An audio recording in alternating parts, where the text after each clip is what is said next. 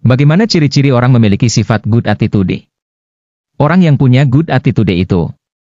Satu Tolong, maaf, terima kasih. Kata-kata yang sering keluar pada orang yang punya good attitude.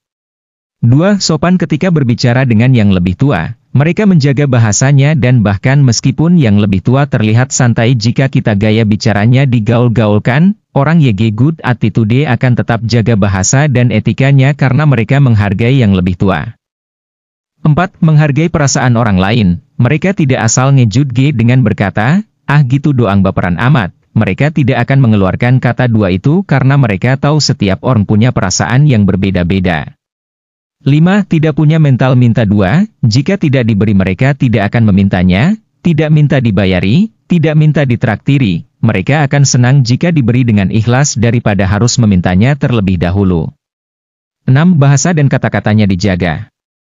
Tidak asal mengeluarkan kata dua YG menyakiti hati orang lain. Mereka akan menjaga bahasanya dan sebisa mungkin menahan kata dua kasar YG akan keluar dari mulut mereka.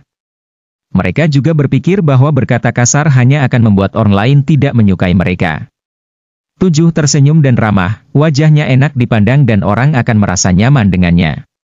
Mereka juga menyebarkan aura positif dengan senyumannya. 8. Memuji secukupnya. Orang YG memuji secara berlebihan justru menjadi seseorang yang mulutnya paling jahat nantinya. Mereka YG memuji secukupnya dan tidak dilebih-lebihkan biasanya punya attitude yang bagus karena tulus.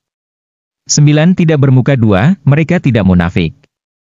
Mereka terlihat apa adanya dan tidak gampang menggujing orang lain.